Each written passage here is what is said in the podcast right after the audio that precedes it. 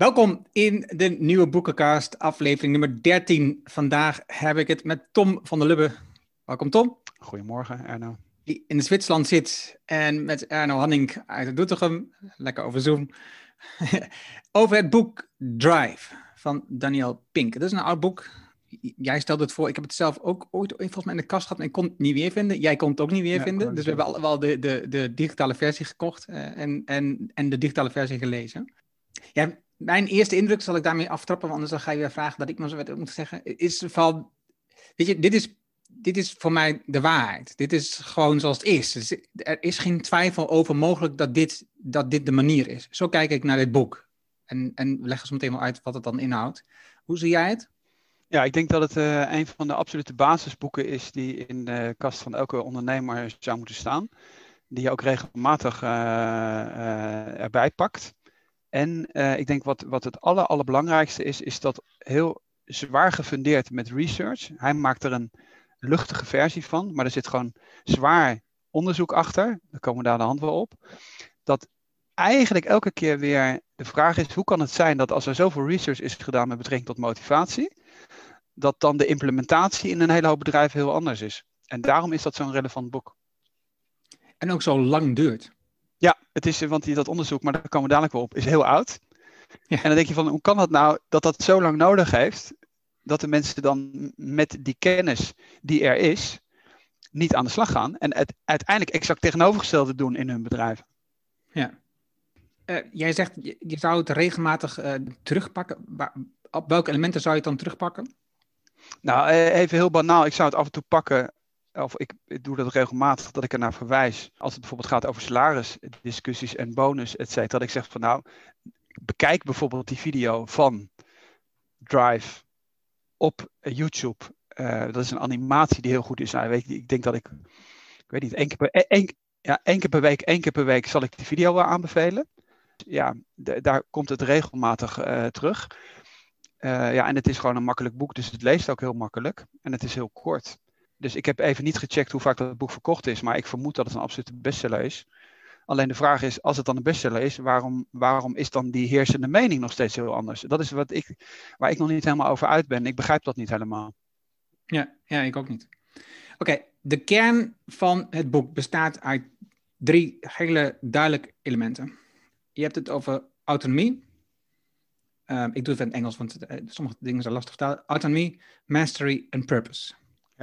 Dat, dat is de kern van het boek. Daar gaat het over. Um, autonomie betekent we willen zelf richting geven aan ons leven. Uh, mastery is ons, onze drijf om uh, beter te worden in, in de dingen continu. En purpose is natuurlijk dat we het mooiste vinden op achter iets aan te lopen wat groter is dan onszelf. Ja. Dat, is de, dat is eigenlijk de kern van het boek. Wat zijn, dat, laat ik even van jou, wat zijn um, de belangrijkste redenen waarom wat de meeste bedrijven nu nog steeds hanteren, dus uh, uh, loon, bonus en dat soort dingen allemaal, om mensen te motiveren. Wat zijn daar de belangrijkste redenen om dat, dat dat niet werkt? Want dat, is namelijk, dat zijn de eerste paar hoofdstukken van het boek, dat gaat daarover. Ja, misschien, misschien uh, ja, ik, soms we zitten al heel snel in die, in die, in die, in die salarisdiscussie.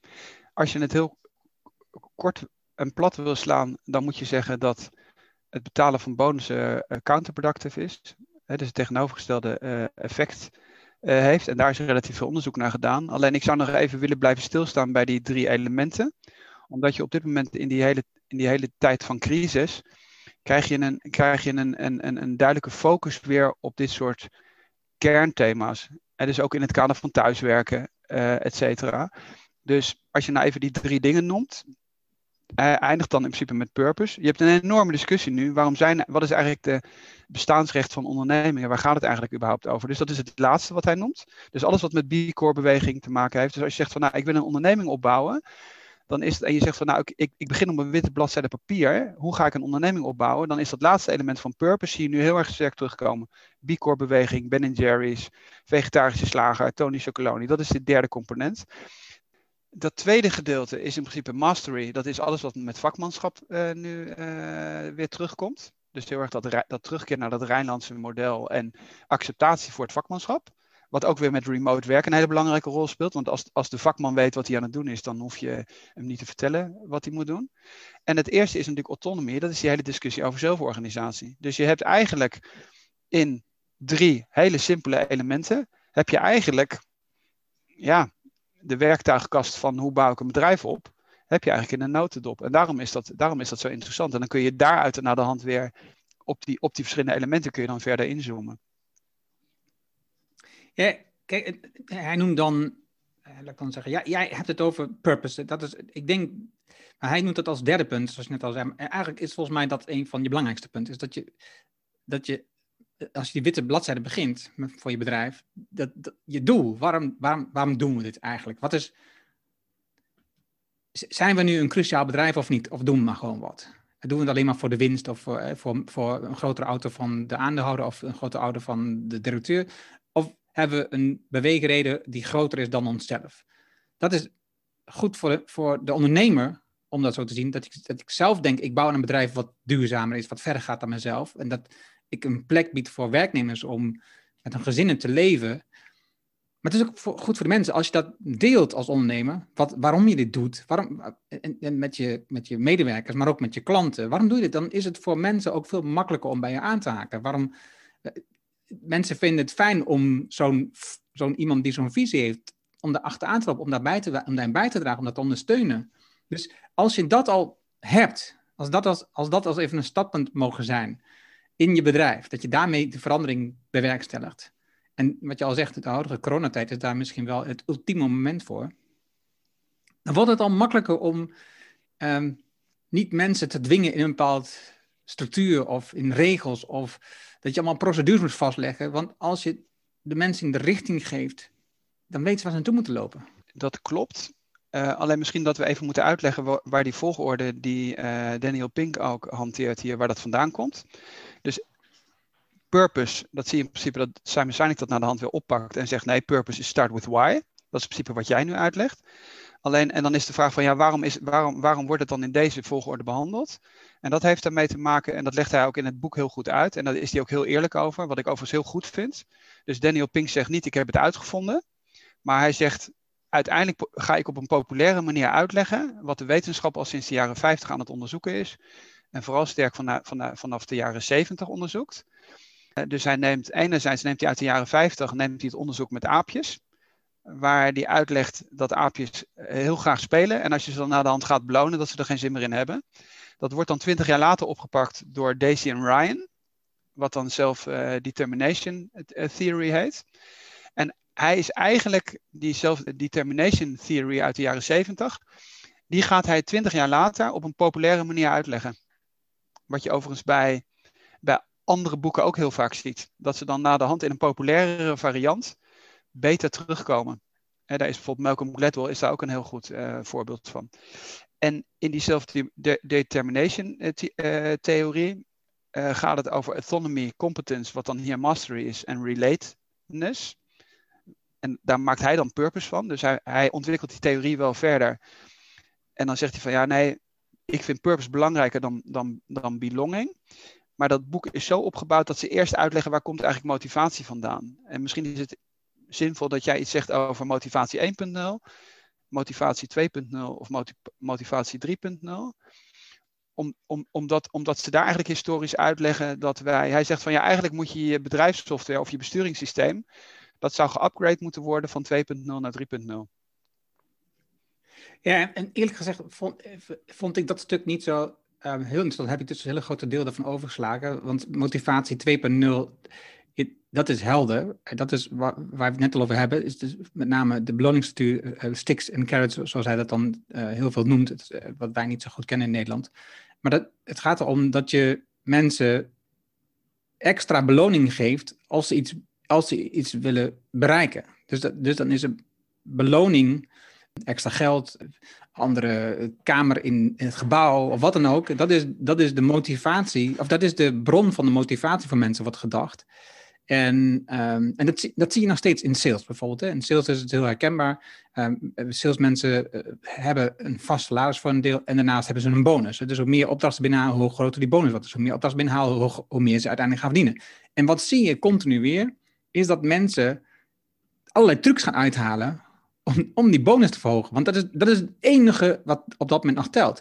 En dus ze gaan trucs uithalen dat ze dus een, de maand ervoor minder verdienen, zodat ze de volgende maand een, een, grotere surplus maken en daardoor ze meer bonus op krijgen. Ze gaan trucs uithalen om klanten iets te verkopen wat ze echt niet willen hebben, want dan stijgt een bonus. En het gaat dus niet meer om de klant, het gaat niet meer over het werk wat het bedrijf aankant. Dus ze gaan producten verkopen die eigenlijk niet eens gemaakt kunnen, gemaakt kunnen worden. Dus je ziet dus dat er een nog steeds in bedrijven enorm veel wordt gedacht dat salesmensen alleen worden gedreven door bonussen. En hij geeft aan het einde van het boek ook een voorbeeld waarbij wordt gezegd, hè, dus een bedrijf wordt nagedacht over, gaan we dat bonusstructuur van die sales um, om zeep helpen? En in dat bedrijf was het zo dat dus, uh, hebben ze het overlegd met de salesmensen. En zei, de salesman zei, ja, voor mij, is dat, is dat, voor mij zou het heel goed werken als we gewoon een vast salaris zouden krijgen. Maar voor mijn collega niet. En die collega zei exact hetzelfde. Die zei ook van, nee, voor mij zou het heel goed werken, maar voor die collega niet. Dus uiteindelijk hebben ze het ingevoerd. Er zijn een tweetal mensen uiteindelijk weggegaan. En de rest die werkt gewoon met een vast salaris nu. En doet gewoon een werk wat het het meest oplevert voor het bedrijf, voor de klant, voor de gemeenschap. En dus die, ze gaan dan dus werken op basis van een intrinsieke motivatie die ondersteund wordt door de visie van het bedrijf in plaats van um, de bonusstructuur. En dat is dan motivatie 2.0, is dat je gewoon continu werkt met, um, ja, met, met belonen en met straffen. En dus je, je voert straf uit als mensen niet doen wat je zegt. En in mijn optiek valt dat dus ook onder dat je dus structuren hebt in je bedrijf, um, dat je mensen, je, je structuur zo opzet dat je het uitvoert op de 15% van de mensen die daar eigenlijk misbruik van zou maken. Terwijl de grote deel van de mensen weten exact wat ze moeten doen zonder dat ze die, die, eh, die, die structuren nodig hebben. Ja, maar wat, wat ik interessant vind is het laatste punt wat jij noemt. En, en die link maakt hij in principe ook. Hij deelt het in motivatie 1.0, 2.0 en 3.0. Motivatie 1.0 is, is die, zijn die basisbehoeften. 2.0 is eigenlijk die industrialisatie of industrialisering. En, en wat dat betreft is het exact hetzelfde wat je bij de hele discussie over organisatieleer en zelforganisatie ook ziet. Dus ik zou zeggen, als je dat in een Excel-tabel zou zetten, dan zou je hebben industrialisering. Hè, dan krijg je weer Taylor, noemt hij ook weer. Bij Taylor heb je klassieke hiërarchie. En het beloningsstructuur die erbij hoort is carrot en stick. Belonen en straffen. En dat maakt het nou juist zo interessant dat als wij een boek bespreken over zelforganisatie, dan zeggen wij ja, maar 3.0 is intrinsieke, is intrinsieke motivatie. En die mensen functioneren helemaal niet in de klassieke verticale hiërarchie waar iemand anders dat vertelt. Ben je ook weer bij dat vakmanschap.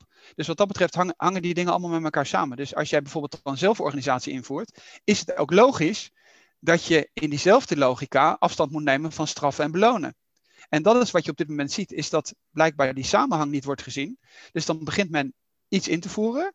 Dat kan bijvoorbeeld zijn vaste salarissen of agile of zelforganisatie. En dan vergeet men dat andere gedeelte weer te doen. Ja, maar dat hangt dan nou juist mee te maken. Dus eigenlijk gaat het over de discussie als we in een post-industriële samenleving werken of het leven. En de intrinsieke motivatie is heel erg relevant. Dan hoort er een andere organisatieleer bij maar ook een andere beloningsleer bij. En dat vind ik, dat legt hij wel goed uit. En wat dat betreft krijg je weer dezelfde mensen als Maslow, hè, met de klassieke piramide, et cetera. En dan zeggen ja, als, wij, als het nou niet om existentiële dingen gaat, om, om overleven, dan moet je op een hele andere manier ook kijken naar wat eigenlijk mensen motiveert. En daar hoort ook dan een hele andere salariering of een heel ander salarismodel bij. Ja, hij noemt voorbeelden van dat dus je hebt nu eenmaal je basissalariering heb je, heb je nodig, dat mensen goed betaald worden. Dus je kunt kijken naar wat is de gemiddelde in de branche. En als je dan slim bent, doe je er net een stukje bovenop, zodat je mensen uh, uh, niet afstoot daarmee. Sterker nog, je gaat dat zijn mensen aantrekken. En daarnaast zorg je juist voor die goede werkomgeving. Want dat, dat houdt mensen bij je. Dat zorgt ervoor dat mensen het fijn vinden om bij je te werken. En dus, dus beloning zorgt niet voor motivatie, maar het kan wel voor demotivatie zorgen. Dat is ook wat hij aandraagt. Dus als je, als je, als je te weinig beloont, ja, dan demotiveer je mensen. Dat is natuurlijk. Dat is ja, maar, het gaat, maar het gaat nog verder. Dus ik heb het citaat ook uitgeschreven uit de Nederlandse versie, want ik heb het Nederlandse e-book gelezen. Niemand verwachtte dat beloningen een negatief effect zouden hebben. Dus het is niet zo dat je zegt van ja, ik zit er neutraal in. Nee, het heeft een negatief effect. En, en dan eh, eh, het klassieke voorbeeld dat altijd genoemd wordt is is bijvoorbeeld kinderen. dus heb je eerst die aapjes uit de jaren 50 en dan gaat men naar de hand test doen met kinderen. En, dan, en, en dat is wel belangrijk. Dus mensen die, dat, die die voorbeelden niet kennen, lees dat boek of bekijk die video's. Want men heeft dat na de hand ook met Harvard-studenten, et cetera, gedaan. Dus er wordt een test gedaan. Dan, en, dan, en dan zitten bijvoorbeeld pauzes in. En dan gaat die onderzoeker gaat weg en die kijkt door die glazen ruit. Kijkt hij nog steeds wat die, wat die mensen doen. En wat je ziet is dat als je in het begin zonder beloning werkt en het is intrinsiek gemotiveerd, dan gaan kinderen bijvoorbeeld ermee door.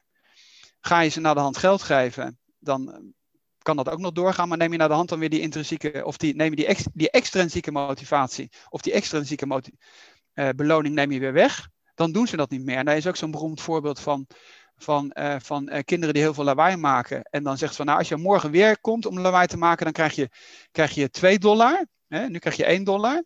En, dan, en, dan, en op een gegeven moment komen die kinderen, komen die kinderen niet meer, als, je, als, je, als ze dan alleen maar komen, maar niet betaald worden. Want want eh, ze, ze, zijn daarop geprogrammeerd dat ze nog een keer daar gaan spelen en lawaai gaan maken. En dat ze daar wat voor krijgen. Krijgen ze dan geen geld meer, dan komen ze geen lawaai meer maken. Dus je kunt daar hele grappige tests mee doen. Die test staat overigens niet in dit boek, maar die, die wordt ook wel vaker gebruikt. En dat is in principe waar we dus blijkbaar heel erg veel moeite mee hebben. Dus we zijn, in de, ondanks het feit dat we in de post-industriële samenwerking of eh, samenleving zitten, hebben we er enorme moeite mee afstand te nemen van ik betaal jou meer als je harder loopt. Terwijl er dus heel veel onderzoek is dat dat dus, het is niet zo dat je niet harder loopt. Nee, je loopt zelfs langzamer of je hebt geen zin meer om te lopen. En dat is eigenlijk dat Amerikanen zouden zeggen mind-blowing conclusie van dat hele, van dat hele onderzoek. Nou, en ik, ik, vind het tweede um, stuk hierin ook belangrijk. Want uh, jij zei het net al, Holacracy Self-Management ik ben, daar, ik ben daar de laatste tijd veel mee bezig. Uh, dat, is begonnen bij, bij ons gesprek uh, bij, bij, bij jouw bedrijf. En het is gewoon heel bijzonder, om, wat je al zegt, als je in, in, in de nieuwe samenleving zit, dat nog steeds wordt vastgehouden aan die managementstructuur. Um, en managers nog steeds een bepaalde rol hebben. Terwijl al, al, eigenlijk al super duidelijk is dat voor de meeste dingen hebben we helemaal geen manager nodig. Dat is gewoon totale onzin. Je hebt wel um, sommige aspecten van de managementrol nodig, maar niet de managerfunctie aan zich. Daar hebben we over de vorige boeken zeker al over gehad. Het is raar dat we daar aan vast blijven houden. Dat het voor mensen een uitdaging is. En ik, en ik, ik heb er van de week een artikel over geschreven naar aanleiding van dit boek. En voor mij was dat namelijk ook zo. Het was een motivatie om manager te worden. Maar waarom? Wat is, wat is, wat is dat? Als mensen gewoon een, een zinvol werk hebben en, en ze weten welke kant op moeten, dan gaan ze gewoon, je hoeft ze niet te managen, dan gaan ze gewoon aan het werk. Ja, maar wat ik, wat ik, wat ik dus belangrijk vind als mensen dat niet kennen, hè, dus ik lees nog even van die Daisy en Ryan uit de jaren 70, en we zijn inmiddels 50 jaar verder. Wanneer geld wordt gebruikt als eh, externe beloning voor een activiteit, verliezen de proefpersonen de intrinsieke motivatie voor die activiteit en daarop te reflecteren en dan te zeggen van ja, wat heb ik eigenlijk voor een beloningsmodel in mijn bedrijf? 50 jaar later, hè, nadat, nadat wetenschappelijk onderzoek niet zegt van ja, dat hebben we gisteren hebben we dat vastgesteld. En daar zit dan naar de hand, en dat is misschien wel interessant om, om, omdat mensen die voorbeelden ook kennen, dat bijvoorbeeld uit te leggen. Dus er zitten een aantal voorbeelden in van, van, van allerlei cases. Het klassiek voorbeeld dat altijd terugkomt is, uh, hij zet ze hier naast elkaar. Uh, als je mensen hebben gevraagd wie is er succesvoller om de encyclopedie te digitaliseren, gaat Microsoft dat winnen met Encarta-project. Of we gaan, dat, we gaan het op vrijwillige basis doen. Nou, je voelt hem natuurlijk wel aankomen, want we leven nu 2020. Oh, dat is Wikipedia. Dus Encarta, waarvan iedereen zei van ja, Microsoft gaat dat natuurlijk gewoon pakken, want er zetten heel veel, ze zetten heel veel schrijvers op, et cetera. En dan wordt Linux genoemd, en dat soort voorbeelden allemaal. En dat maakt het nou juist zo interessant omdat je dan zegt van, nou ja, wetenschap, ik weet het niet. Misschien zijn dat allemaal een beetje abstracte uh, mensen. En ik heb niet zoveel met wetenschappers en met de universiteit. Nee, dan worden dus allerlei voorbeelden genoemd. En het voorbeeld dat wij ook altijd noemen is, mensen hebben moeite om op te staan en dan naar hun werk te gaan. Ze hebben er eigenlijk helemaal niet zoveel zin in, zijn niet gemotiveerd. Maar als je dan ziet wat mensen allemaal vrijwillig doen, dus je krijgt hele absurde situaties dat mensen binnen bedrijven eigenlijk niet zo heel erg gemotiveerd zijn. En dan in het weekend, s morgens om zeven uur langs de lijn staan, omdat ze voetbalcoach zijn. Dus voor hun kinderen die voetbal spelen. Dus je hebt, en die heb je in een hele hoop varianten. En als je dan weer dan macro-economisch naar de hele samenleving kijkt, zijn de meeste dingen die we doen, krijgen we geen, krijgen we geen bedrag overgemaakt op onze rekening. En, en, en, en daarop te reflecteren en dan te zeggen van ja, maar waarom doen we dat dan in het bedrijfsleven volledig anders en ook tegen wat er wetenschappelijk bewezen is, dat is eigenlijk een heel absurde situatie. Want het stuk over flow, flow heeft, met het stuk mastery, want jij zit heel erg de beloning, maar ik pak even een ander stuk, de mastery dat master, dat, spreekt mij enorm aan om daarover na te denken. Dus in allerlei aspecten kijk ik continu in mijn, in mijn werk en in mijn privé-situatie. Kijk continu van hoe kan ik beter worden. En ik vind dat, ik vind dat verhaal van hem daarin ook heel erg gaaf. Waarbij die zo'n, weet niet hoe dat, hoe dat, hoe dat figuur heet, maar het is zo'n zo'n bol uh, in, in een diagram. Het is je groeit. Je wordt beter. In het begin gaat het hard. Maar op een bepaald moment heb je een bepaalde expertise en je groeit nog steeds. Maar je, je, je wordt nooit uh, het beste telkens als je bent gegroeid naar het volgende niveau, zie je weer nieuwe verbetering van jezelf. En dat is master, is dat je continu werkt aan verbetering. En dat is een oneindige opdracht. En dat maakt hem ook pijnlijk. Het is, het is, je komt, het is nooit af. Ja. Maar, maar dat zorgt er dus voor, als jij dus het in je hebt zitten, de grid, zoals zij dat noemen, dan maak je dus veel situaties mee waarin je dus te maken met flow. De situatie waarin je werkt op de manier die je het meest prettig vindt, waar je niet in de gaten hebt dat de tijd voorbij vliegt. Ja. En het grappige is wat hij dus noemt, uh, en dat kwam uit een ander boek, is dat flow in de werksituatie veel vaker voorkomt en ook veel moeilijker is dan in de privésituatie. Ja. En, en een aantal van wat jij net zegt, het grappige is natuurlijk dat we het juist in de werksituatie uh, onderuit halen. Dat we juist de werkomgeving zo inrichten, mensen zo laten werken, in structuren duwen, dat er nooit flow kan ontstaan. Nooit mastery van hun verwachten, altijd vragen van, hey, je hebt nu dit niveau bereikt, dankjewel, ga gewoon vooral zo door. Doe zoveel mogelijk van dit, want ja, dat is goed voor ons bedrijf. Dus het is gewoon onzin.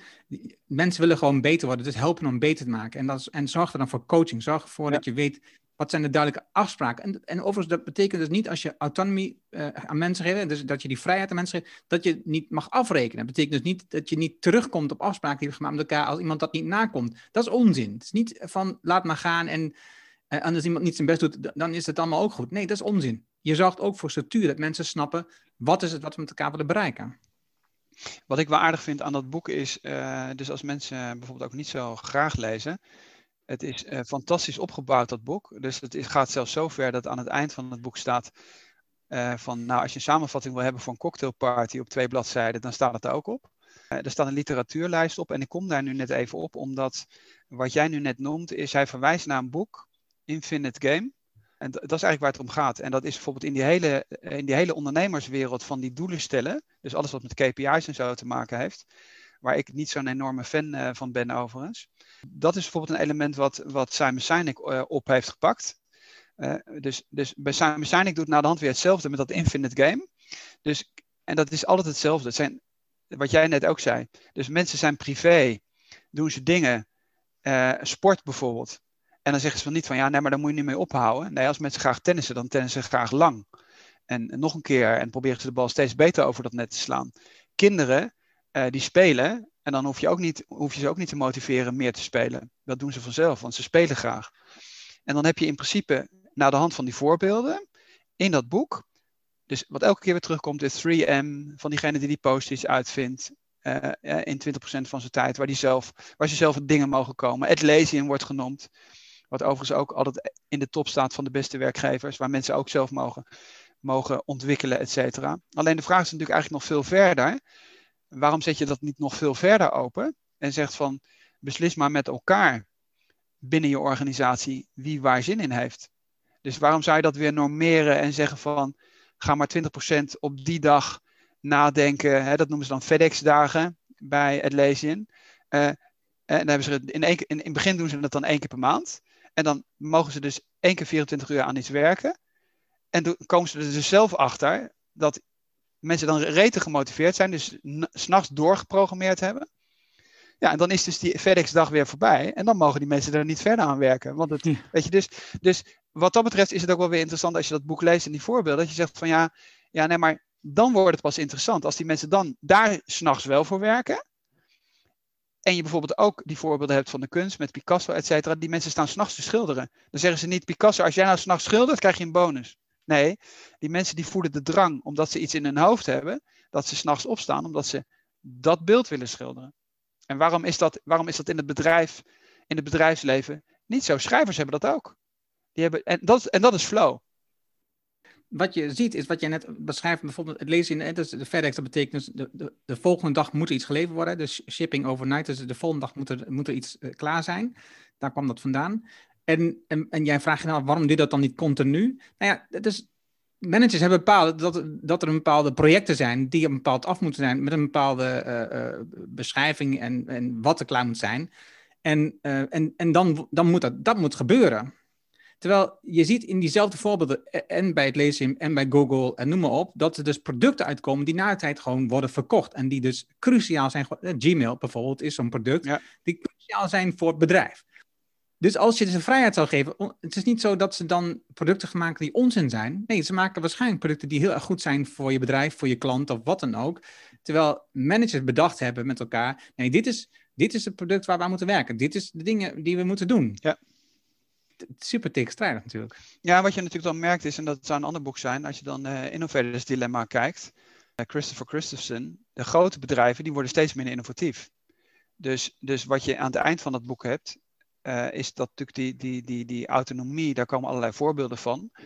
Het lezen hebben we bijvoorbeeld nu genoemd, maar het is bijvoorbeeld ook op het gebied van HR, het aannemen, het recruteren, dat je zegt, hey, laat het team het gewoon zelf doen. Dus het is, uh, omdat, dan is het dus gewoon beter, ook allemaal aantoonbaar. Nou is de vraag van, ja, hoeveel bedrijven mag het team zelf de nieuwe collega aannemen? Dus wat ik elke keer weer frappant vind, is dat mensen in bedrijven, zeker in grote bedrijven, noem ik altijd het voorbeeld, die lezen allemaal Harvard Business Review. Daar staat dus al 50 jaar, staan dit soort wetenschappelijke onderzoeken staan erin, want daar, is, daar zijn die tijdschriften voor. En dan zit, dan zit, ik zou maar zeggen, die CEO, die stapt in het, uit het vliegtuig, misschien nu met corona even niet, heeft dat gelezen. En dan doet hij daar dus blijkbaar, meestal is het natuurlijk een oudere witte man, dan doet diegene dus met dat artikel wat hij heeft gelezen, dus gewoon de facto helemaal niets. En dat boek van, van uh, dat Drive, ik weet niet of het uit 95 is of ergens eind jaren 90, want het is in ieder geval ook wel ouder. Uh, maar ik wil, me daar, ik wil daar even geen weddenschap op afsluiten. Daar staan dus allemaal van die dingen in. Dan denk je van, waarom duurt dat allemaal zo lang? En waarom wordt dat niet in de praktijk dan ook daadwerkelijk geïmplementeerd? Of vindt daar niet veel meer een discussie over plaats? Want bijvoorbeeld die hele discussie over zelforganisatie, die komt bijvoorbeeld nu sterker op. Die discussie over purpose komt nu sterker op.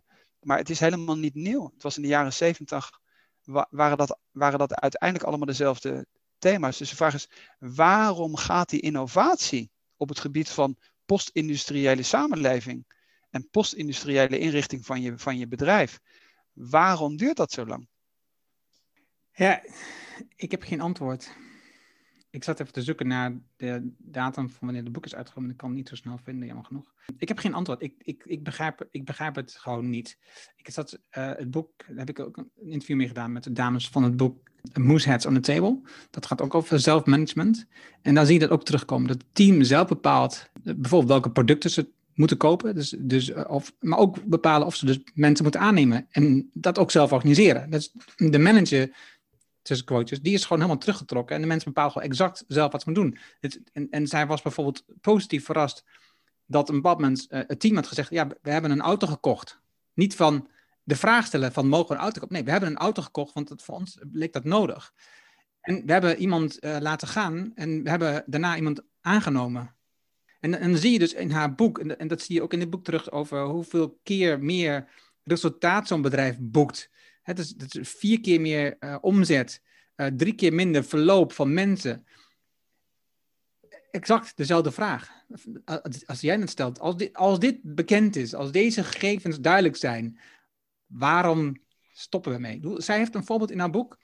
Um, en het gaat erover dat ze heeft op een bepaald moment een hotel geholpen. In, en die manager die dat deed, die was daar super enthousiast over die methode van zelfmanagement. Dus ze hebben het ingevoerd. Een, 15 jaar later die manager vertrekt, er komt een nieuw manager en die, en die, en die stopt er gewoon mee.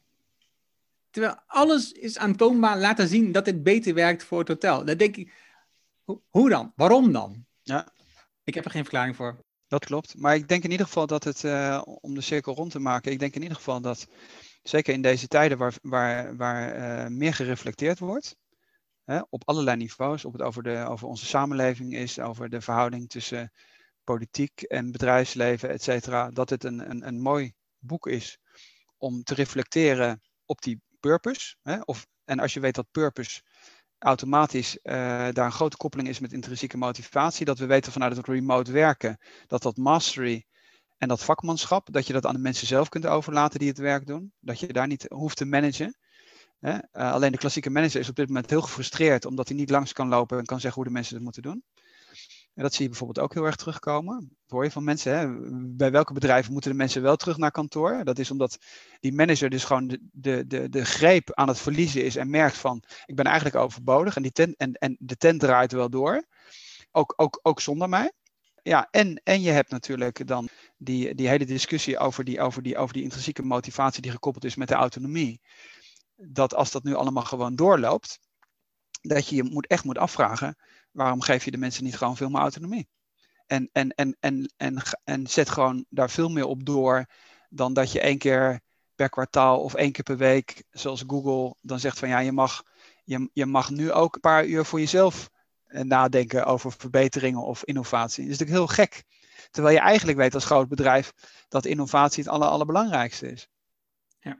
Dus het is wat dat betreft denk ik, het, het is een goed boek om in deze tijden op te reflecteren wat je eigenlijk in je bedrijf beter zou kunnen doen. Ja, zoals je al zei, grappig genoeg, het is een boek al wat ouder is. Hè? Het is van voor 2010, dat staat, dat staat vast. Of uh, van voor 2000, dat staat vast. En dan zou je misschien denken, ja, wat heb ik nog aan zo'n boek? Nou, alles. Weet je, we denken nog op de oude manier van voor dit boek. Dus dit boek geeft je ontzettend veel informatie over hoe je over anders zou kunnen. En er zitten, er zitten voorbeelden in. Hij stelt vragen die je met je team kunt, kunt organiseren. Je kunt, er staan vragen in voor jou als manager of als, als ondernemer. Dus er zit heel veel, ook in het laatste van het boek, zit best wel veel oefeningen in die je kunt doen. Uh, vragen die je kunt stellen aan jezelf, uh, waardoor je ermee aan de slag kunt gaan, experimenteren, waarmee je jezelf helder kunt krijgen, hoe kan ik dit invoeren? Ja. Wat dat betreft is het, uh, ik zat het te lezen en ik zat ook weer de persoonlijke story te lezen van, van de schrijver van Flow, wiens naam, wiens Hongaarse naam ik niet kan uitspreken. die overigens weer een gevluchte, een gevluchte Europeaan is. Hè? Dus weer, weer zo'n verhaal van iemand die dus met motivatie bezig is, intrinsieke motivatie bezig is. En, en, en... Maar die is, die is in, in zijn jeugd al gevlucht. Ja, ja maar, dat, maar, maar dat geldt voor heel veel van, of het nou Pieter Drucker is of wat dan ook allemaal. Het zijn, het zijn, er zijn zoveel mensen die al die boeken die we bespreken, daar zit heel vaak een, een wetenschappelijke laag onder. En die wetenschappers, die zijn heel vaak, dat zijn heel vaak Joodse wetenschappers uit Europa die gevlucht zijn. En dat maakt het, Victor Frankl overigens ook, wat altijd een boek is wat als een van de topboeken terugkomt van Amerikaanse managers. Ja, de man heeft in een concentratiekamp gezeten. Dus elke keer, dus elke keer wat dat betreft weer terug naar de kern. Wat, wat motiveert mensen überhaupt? Dus ik denk in ieder geval dat flow ook nog een keer aan bod moet komen bij ons. Ja, eens. Oké, dit was hem. We waren er doorheen, dankjewel. Heb je suggesties, reacties over dit boek Drive of heb je een voorstel voor een ander boek wat we moeten lezen voor de volgende keer? Hebben we al een boek gekozen waar we het over gaan hebben? Dat is namelijk het boek van Gary Hamel, dat ook Gary Hamel een paar keer wordt genoemd in het boek. Maar dit is het nieuwste boek van Gary Hamel, Humanocracy. Humanocracy. En dat is over twee weken. Dankjewel voor het luisteren en graag tot de volgende. Dankjewel.